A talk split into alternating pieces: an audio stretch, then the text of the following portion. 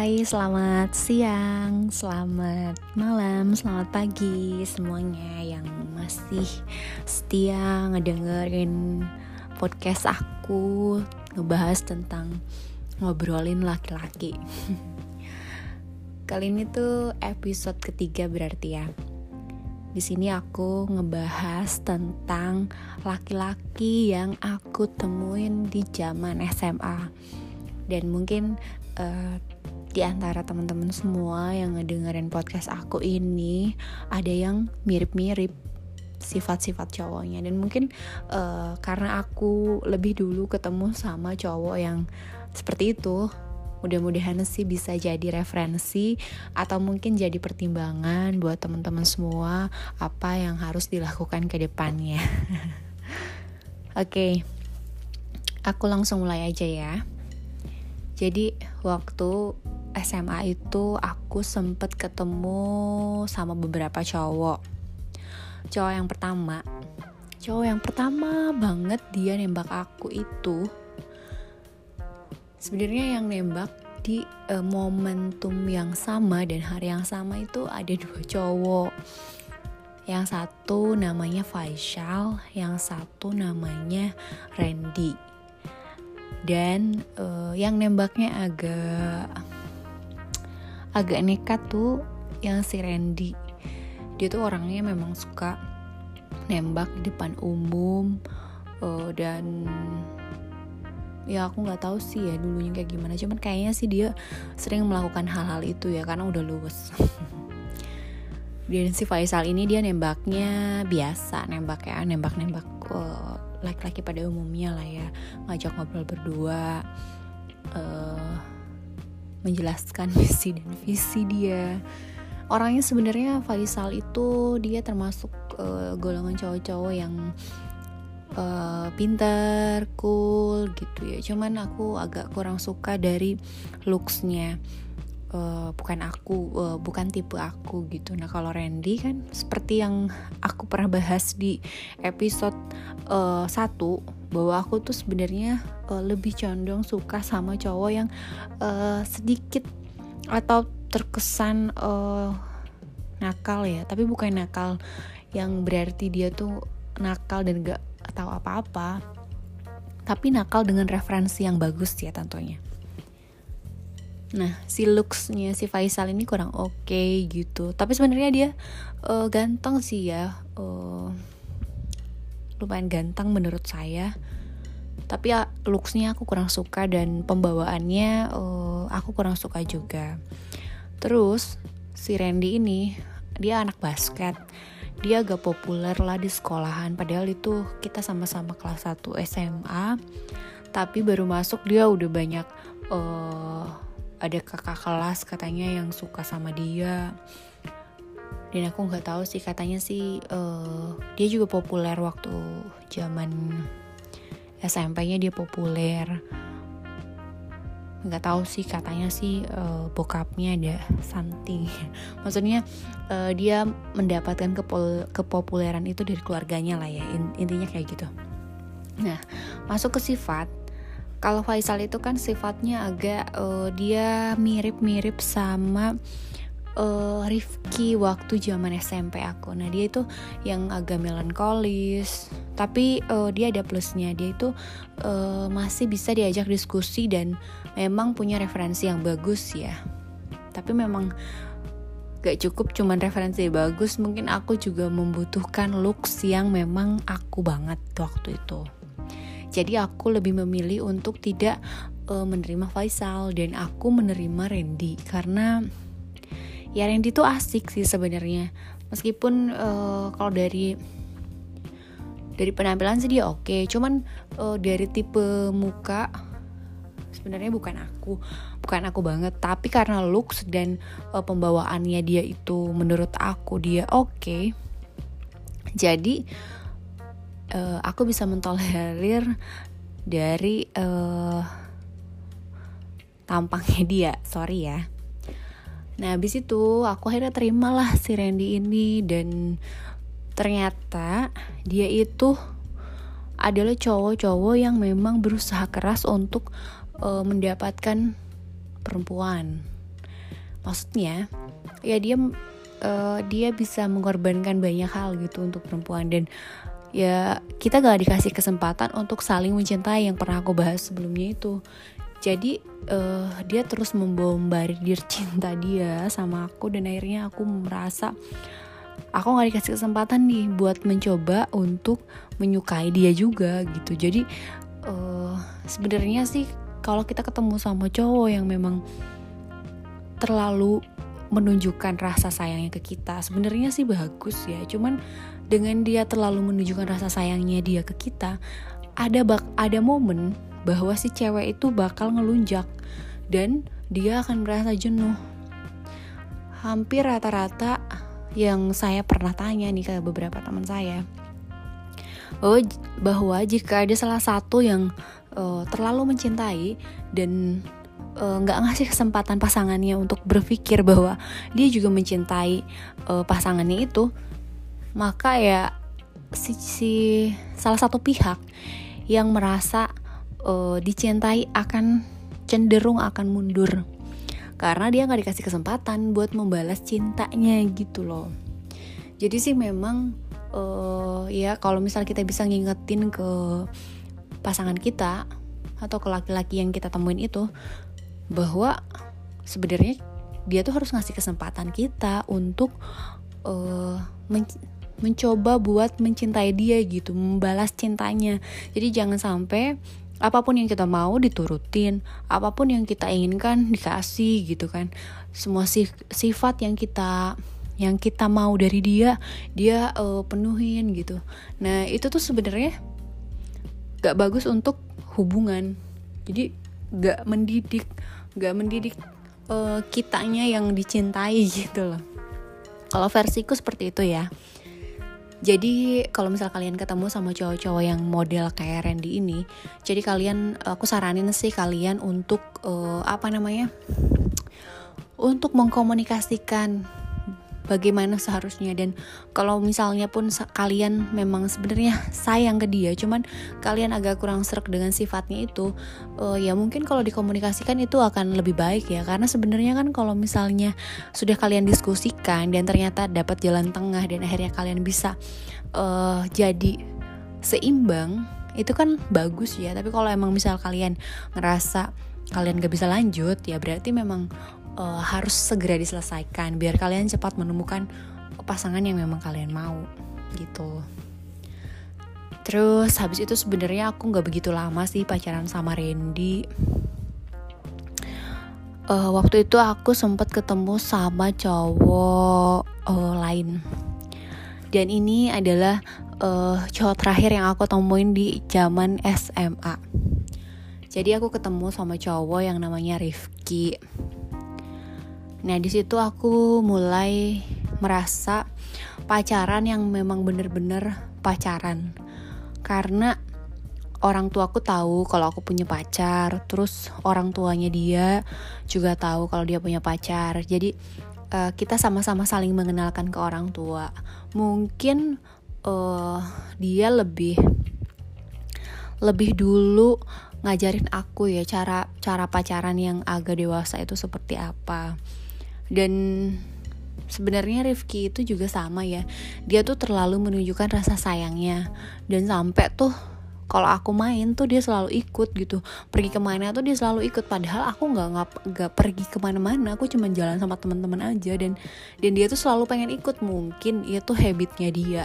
Dari dulu mungkin ya. Jadi dia uh, berusaha menerapkan itu ke aku juga. Tapi sayangnya karena aku itu baru pacaran yang kayak gitu yang bener-bener pacaran yang intensif ketemu terus ngobrol dan meluangkan banyak hal.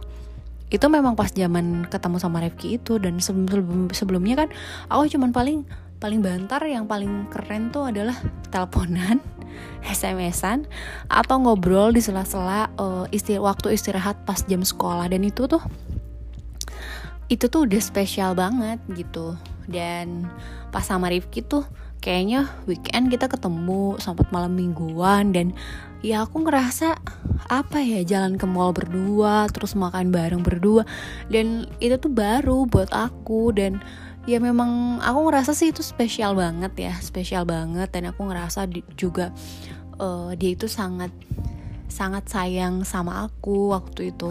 Cuman uh, mungkin karena kebiasaan aku sama kebiasaan dia itu beda. Karena kan rumah kita tuh agak jauh ya. Dan tempat nongkrong itu deket dari rumahnya dia. Dan otomatis dia itu ah memang orang anak-anak nongkrong gitu. Anak-anak yang suka berkumpul dengan teman-temannya uh, diskusi atau apalah aku nggak paham. Dan dia tuh pengen aku ikut gitu. Cuman aku tuh nggak bisa kayak gitu. Karena aku memang anak anak rumahan banget ya dan masalahnya itu dari situlah muncul. Terus munculnya Rifki ter, uh, terlalu, Rifki terlalu menunjukkan sayang ke aku dan aku ngerasa aku ngerasa uh, jadi kayak ngelunjak gitu. Aku aku ngerasa ngelunjak ke Rifki gitu. Dan ini ini pun aku baru sadar uh, akhir-akhir inilah ya. Maksudnya oh ternyata bukan menyalahkan diri sendiri sih tapi memang lebih ke introspeksi ya. Jadi bahwa uh, Rifki tuh terlalu menunjukkan sayang sama aku. Dia tuh sampai uh, ngejemput nganterin ngejemput nganterin. Kan bayangin ya sekolahan kita tuh jauh terus rumahku jauh dari rumahnya dia. Secara material dan mentalnya dia tuh kan udah oke okay banget ya. Kalau misalnya aku zaman dulu tuh udah mikir kayak gitu. Tapi itu sama sekali nggak ada. Aku tuh dulu nggak sadar gitu kayak gitu. Dia tuh udah kalau menurutku untuk zaman anak ukuran anak SMA paling berapa sih uh, dikasih uang bensin gitu uang bensin? Jadinya kan uh, sebenarnya itu udah satu hal yang dia korbanin gitu buat aku. Harusnya aku mikir sih dari dulu itu. Jadi kalian kalau misalnya ketemu sama cowok di usia-usia zaman SMA dan memang dia sudah melakukan hal-hal yang memang luar biasa ya contohnya kayak uh, dia meluangkan waktu, dia berusaha buat selalu care sama kalian dan misalnya dia melakukan banyak hal buat buat kamu dan kita jangan terlalu egois buat mikirin kalau apa yang dia kasih ke kita itu nggak perlu barang-barang mewah atau apa ya. Cuman dengan waktunya dia kayak gitu tuh sebenarnya itu tuh uh, dia tuh sudah mengeluarkan banyak hal gitu dan saya rasa sih dulu juga aku pikir uh, Rifki tuh emang baik sih baik dia. Cuman aku uh, nemuin kekurangannya dia jadi mungkin di saat dia butuh uh, pacar buat uh, dia show up ke temen-temennya kayak misalnya dia nongkrong bawa bawa pacar atau apa bawa pacar. Nah di situ dia itu pernah uh, dia pernah selingkuh tapi uh, aku bukan bukannya mentolerir mentolerir dia ya. Tapi uh, bukannya aku membolehkan hal itu terjadi ya bahwa perselingkuhan itu boleh bukan.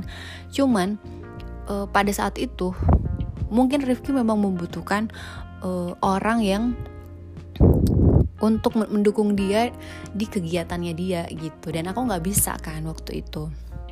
Dan harusnya aku memang sudah mengakhiri itu atau maksudnya aku nggak bisa dengan kebiasaannya dia kan. Jadi otomatis kita sebenarnya harusnya udah putus dari kapan gitu. Jadi mungkin uh, selingkuh itu tuh nggak nggak akan ada gitu. Dan mungkin itu jadi pacarnya Rifki aja gitu. Nah akhirnya Rifki selingkuh tuh gitu. Nah kalau pelajaran dari Rifki sih itu sih paling ya kalau kalian ketemu sama cowok yang modelnya Rifki itu uh, pokoknya kalian pastiin kalau memang kalian itu suka sama dia dan memang pengen melanjutkan hubungan dengan dengan dengan dia dengan pasangan kalian yang mirip-mirip Rifki ini kalian uh, ya kalian harus tahu porsi kalian dan kalian komunikasikan ke dia bahwa apa yang dia lakukan itu harus ka kalian juga bisa balas gitu. Karena sebenarnya hubungan itu akan kuat kalau misalnya saling kan jadi tidak ada yang uh, berat sebelah. Dan gak ada yang uh, berusaha dan diusahakan. Jadi harus dua-duanya berusaha. Gitu loh. Dan aku pacaran sama Rifki itu dari kelas 1 sampai kelas 3 sampai akhirnya Rifki uh, punya pasangan lain dan akhirnya aku putus. Dan sebenarnya kita masih menjalin komunikasi dengan baik tapi pada akhirnya Rifki sempet kesel banget ke aku mungkin ya. Karena aku sempat pacaran sama teman dekatnya dia. Dan aku juga nggak tahu kenapa aku mau pacaran sama teman dekatnya dia. Karena mungkin aku kesel ya sama sama dia karena dia selingkuh kan jadi sebenarnya hal-hal itu gak usah kalian lakukan ya. Kalau misalnya kalian memang lagi kesel sama orang A kalian gak perlu membawa teman eh, teman-teman orang A untuk menjadikan sasaran gitu karena itu akan berefek buruk. Maksudnya akan berimbas suatu hari nanti tuh kalian bakal kepikiran bahwa hal-hal yang kalian lakukan itu akan bikin malu gitu. Karena kan udah otomatis dong pasti diobrol diomongin orang udah pasti ya. Tapi bukan masalah diomongin orangnya sih lebih ke diri kitanya itu loh. Bahwa uh, apa yang kita lakukan sebenarnya jangan ter terprovokasi oleh hal-hal yang memang bukan dari keputusan kita sendiri. Apalagi uh, memang sih mungkin kalau kita lagi sakit hati kita nggak bisa uh, memikirkan hal-hal yang uh, positif ya. Cenderung ke arah yang negatif dan uh, bisa membalas dendam. Mungkin kasarnya seperti itu ya. Tapi ya saya sih saranin sama teman-teman semua kalau emang misalnya lagi ada di posisi itu mending diem aja. Diem gak usah ngelakuin apa-apa daripada apa yang dilakuin itu ternyata bikin kita jadi salah ngambil keputusan gitu loh. Karena cowok di zaman SMA dikit jadi aku langsung lanjut aja ke cowok yang pernah aku temuin di waktu aku kuliah ya. Nah waktu itu kan aku putus dari Rifki nih zaman SMA tuh. Terus aku ketemu, aku pacaran sama temennya Rifki itu pada masa transisi aku masuk ke kuliahan gitu. Nah pas kuliahan itu aku pacaran lah sama Reza temennya Rifki. Uh, ada perasaan sih sebenarnya sama dia, dia baik, cuman beda sama Rifki sih Rifki lebih uh, aku bukan bandingin bukan compare ya karena kan mereka dua orang yang beda dan gak mungkin bisa compare. Karena uh, dari sudut pandang aku aja sih karena aku mungkin merasa memang kenal sama Rifki itu dari yang anak kelas 1 SMA sampai kelas 3 dan itu tuh uh, buatku tahu banget gitu kalau Rifki itu seperti apa orangnya. Dia baik dia baik dan kalau Reza beda sih dia agak kalau Rifki itu cenderung lebih ke dia nggak pernah marah-marah yang marah banget. Kalau Reza ini dia agak emosional. Mungkin memang pembawaan dari sifatnya dia sih. Aku nggak nyalahin juga. Bukan nyal bukan ngobunga bukan nyalahin dia suka pemarah tapi memang nggak cocok dengan aku yang tipe memang nggak suka dengan orang-orang yang terlalu keras gitu. Gitu kali ya. Bukan marah-marah sih lebih ke keras sih ya jadi kalau ketemu sama cowok-cowok yang agak keras kalau mem kalau semisal memang kalian itu nggak sanggup untuk uh, bisa menangani cowok-cowok model kayak gini uh, bagusnya sih kalian udahin aja. Karena kalau misal memang dilanjut tuh kecenderungan untuk bersikap keras seperti itu akan berlanjut sampai kapan pun. Kecuali kalau memang si si cowok ini ketemu dengan memang uh, orang yang tepat juga. Karena mungkin dia bisa berubah kalau ketemu sama orang yang tepat. Dan mungkin karena dia keras ke kita itu. Berarti kita kurang tepat untuk dia. Karena biasanya sih sekarang si Reza ini kayaknya udah nikah dan ketemu sama memang bener-bener soulmate-nya. Uh, bener-bener pasangan pilihan hidupnya. Dan aku aku ngelihatnya sih aku ngelihat dan aku sempet nanya ke temen-temennya bahwa uh, ya dia memang jadi lebih lebih oke okay lah ya gitu lebih uh, kalem gitu. Dan aku sih bersyukur juga sih dia sudah menemukan tambatan hatinya. Jadi gitu ya saran aku kalau misal kalian ketemu sama cowok yang mirip mirip-mirip Reza ini. Dan selanjutnya sekarang aku mau cerita ke cowok selanjutnya pas aku zaman kuliah. Jadi setelah aku ketemu sama Reza, aku tuh sempet uh, sebenarnya aku putusnya itu uh, ngerasa patah hatinya itu gara-gara Rifki ya, bukan gara-gara Reza-nya. Dan di situ aku ngerasa uh, aku butuh sendiri dan butuh waktu untuk putus sama Rifki dan putus juga sama Reza. Jadi posisi itu aku uh, ngerasa cukup gitu loh. Maksudnya aku ngerasa kalau kalau aku itu harus diam dulu gitu. Nggak usah dulu nyari pacar nggak usah dulu ngapa-ngapain nggak usah dulu. Ya pokoknya aku kuliah aja yang bener gitu. Karena kan masih baru baru baru juga dong ya itu. Terus akhirnya aku uh, gak ngapa-ngapain. Tiba-tiba datanglah laki-laki um, sebenarnya dia kakak kelas aku waktu SMA cuman aku nggak kenal dia. Dan pas aku masuk dia lulus. Jadi kan kita nggak ada ketemu di sekolahan nggak ada tuh. Cuman aku pernah punya temen dan dia punya pacar. Pacarnya itu adalah seangkatan dengan cowok yang aku uh, yang ketemu aku ini. Namanya uh, cowok yang cowok yang aku cowok yang datang tiba-tiba itu adalah Diki namanya. Jadi sebenarnya dia tuh sebenarnya ya ceritanya tuh uh, kayak di film banget ya. Dan aku tuh ngerasa uh, saat aku kesepian terus saat aku nggak punya siapa-siapa maksudnya bukan nggak punya siapa-siapa ya. Keluarga tetap support teman-teman tetap ada gitu. Cuman ya itu maksudnya kayak nggak punya pacar lah ya intinya. Jadi tiba-tiba dia tuh datang datang dengan uh, sebenarnya aku ngerasa kalau dia itu karena mungkin otomatis dong kita bakal compare dengan uh, yang ada di masa lalu kita dong aku sebenarnya ini nggak boleh tapi ini nat natural aja gitu. Kita tuh aku tuh otomatis pasti langsung ngebandingin gitu antara dia dengan Rifki. Dan kayak beda jauh dan aku ngerasa kalau Diki lebih dewasa dan dia itu lebih populer di uh, di tempat tinggal aku di daerah tempat tinggal di kampung halaman ya. Karena waktu itu aku ngekos di Bandung dan dia juga tinggal di Bandung buat kuliah. Jadi di situ kita sempat ketemu. Dan ya gimana ya? Aku tuh uh, ketemu dia tuh dia tiba-tiba datang dia memperlakukan aku dengan sangat baik. Memperlakukan aku dengan sangat baik. Terus uh, di sinilah mulai kalau aku itu kembali lagi punya sifat yang ketika ada laki-laki yang memang menginginkan aku aku tuh ngerasa ngelunjak gitu. Aku ngerasa aku punya power di situ dan aku bisa melakukan apa pun yang aku mau gitu terhadap hubungan itu. Dan karena dia mungkin sudah dewasa sudah lebih uh, usianya udah lebih lebih senior ketimbang aku maka pemikirannya pun beda kan ya.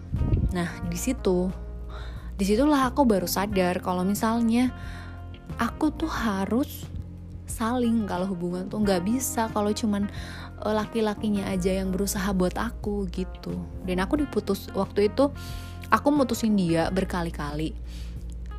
Hampir sebenarnya nggak berkali-kali sih. Dan aku mutusin uh, yang ketiga kali dan akhirnya dia iyahin terus akhirnya dia memutuskan aku dan dia ya udahlah kalau mau putus gitu. Kalau sebelum sebelumnya kan dia masih mentol men, men, memberi aku toleransi gitu. Dan akhirnya aku menyesal pas waktu itu. Aku mikir aku udah ketemu sama cowok yang baik kayak dia sudah dewasa. Ya dia uh, dari semua dari dari sikap dari tampang dari looksnya dari keluarganya mungkin dari semua halnya. Dia tuh udah oke okay banget tapi tapi dia itu kok aku bisa gitu? Dia mel aku melakukan hal-hal seperti itu ke dia gitu kan. Itu sebenarnya nggak fair ya. Dan aku berusaha buat uh, mengembalikan hubungan aku dengan dia. Tapi memang dia itu udah merasa udah merasa nggak mau berusaha lagi buat hubungan kita dan memang dia bener-bener udah dingin aja. Pas yang aku putusin dia yang terakhir itu dia udah yang mentah-mentah banget gak mau ketemu aku. Tapi ada momen di mana dia itu uh, balik lagi ke aku. Tapi aku ng ngelihat dia dia udah beda dia udah agak mulai nakal. Dan aku ngerasa ya aku nggak suka sama dia ternyata. Dan itu aku bersyukur banget aku masih bisa dikasih kesempatan buat ketemu dia dan aku ngeliat uh, sikapnya dia sikapnya dia dan ternyata aku sudah tidak suka lagi. Nah dari situ aku mulai uh, bisa move on dari dia karena uh, Diki yang dulu aku suka tuh ternyata sudah berubah dan memang ya pelajarannya sih kalau misal kalian udah nemuin cowok yang memang baik tolong jangan merasa di atas angin.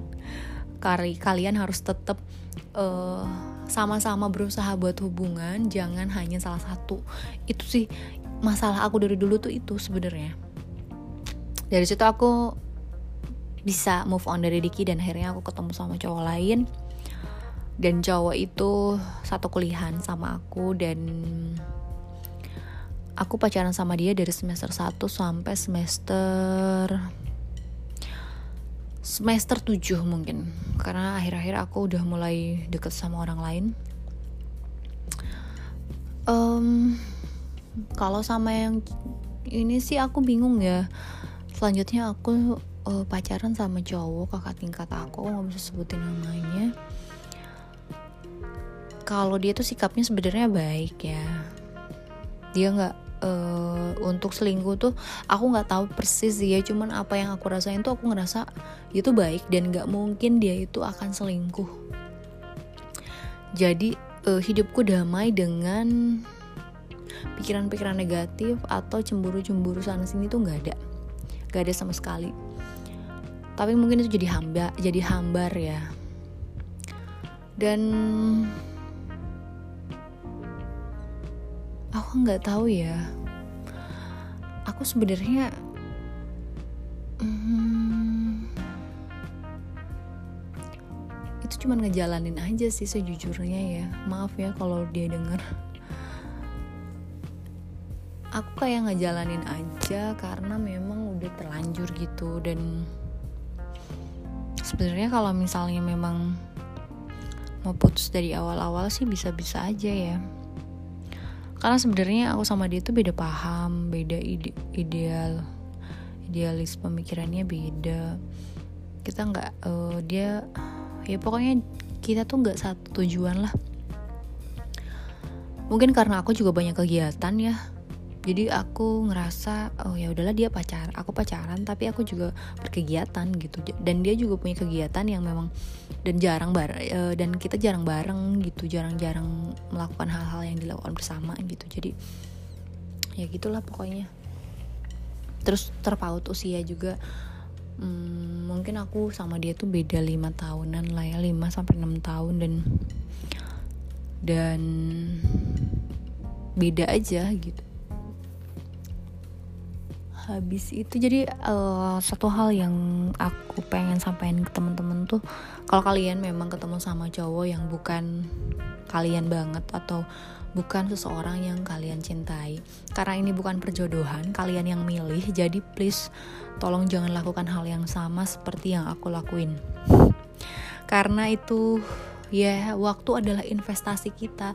Masa muda itu adalah investasi. Kalian bisa melakukan hal-hal yang lebih baik dari ketimbang pacaran sama cowok yang memang bukan pilihan kalian sebenarnya.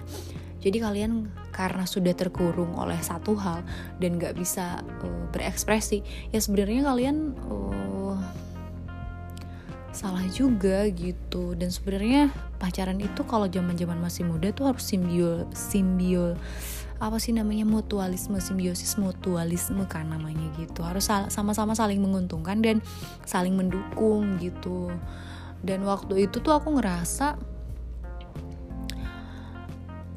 jadi sekarang sekarang gini ya mungkin aku udah punya kehidupan yang baru tapi kalau dipikir-pikir sebenarnya kalau aku nginget masa-masa pacaran aku sebelum-sebelumnya ya ada yang manis-manisnya gitu ya.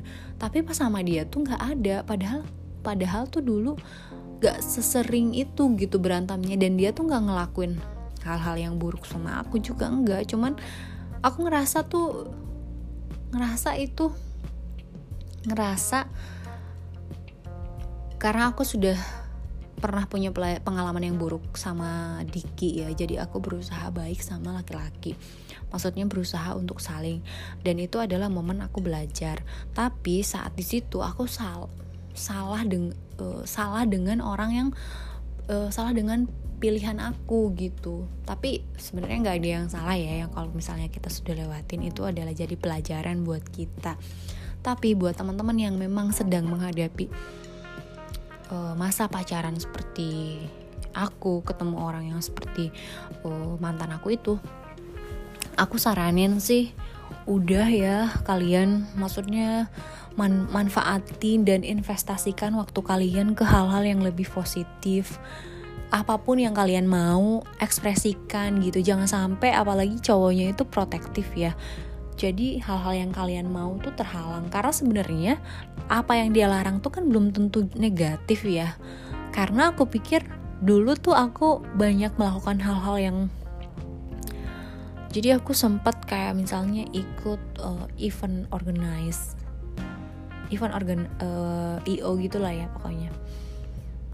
Terus uh, cowok aku sering larang nggak boleh ikut hal, hal yang kayak gitu tapi aku ngerasa pas aku kerja sekarang tuh aku sangat beruntung sekali pernah ikutan ikut jadi uh, eh, IO maksudnya ikut ikut bekerja di IO gitu. Karena itu tuh kita tuh jadi punya pengalaman kan jadi punya punya pengalaman buat berinteraksi sama orang lah minimalnya. Meskipun kita nggak paham uh, substansi yang terjadi di IO itu karena kan masih belum punya apa namanya belum punya kemampuan yang mumpuni ya waktu itu. Tapi kan dengan setidaknya kita berinteraksi dengan orang luar kita jadi punya link. Sampai sekarang orang-orang yang aku kenal itu di IO itu mereka masih masih support lah kalau misalnya kita mau melakukan apa pun gitu. Jadi masih mendukung dan masih ngasih inputan yang uh, baik gitu. Dan aku tuh ngerasa dulu tuh kok aku mau maunya diatur sama dia sedangkan orang tua aku aja tuh ngizinin gitu. Dan ya gimana ya? Aku ngerasa uh, ya gitu. Makanya aku ngerasa ada kayak kayak konflik batin gitu sampai sekarang. Tapi ya udahlah ya masa lalu udah berlalu dan ini pelajaran buat aku. Dan sekarang aku bisa ngomong kayak gini ke teman-teman semua. Dan aku sih berharap sekali lagi ngingetin kalau ketemu sama orang yang seperti itu.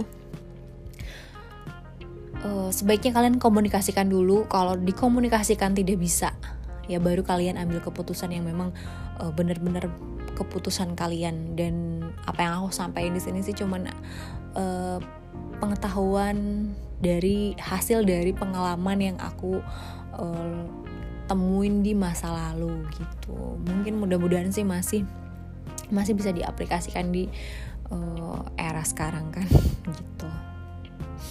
Mungkin itu sih cowok yang pernah aku temuin pas zaman kuliah.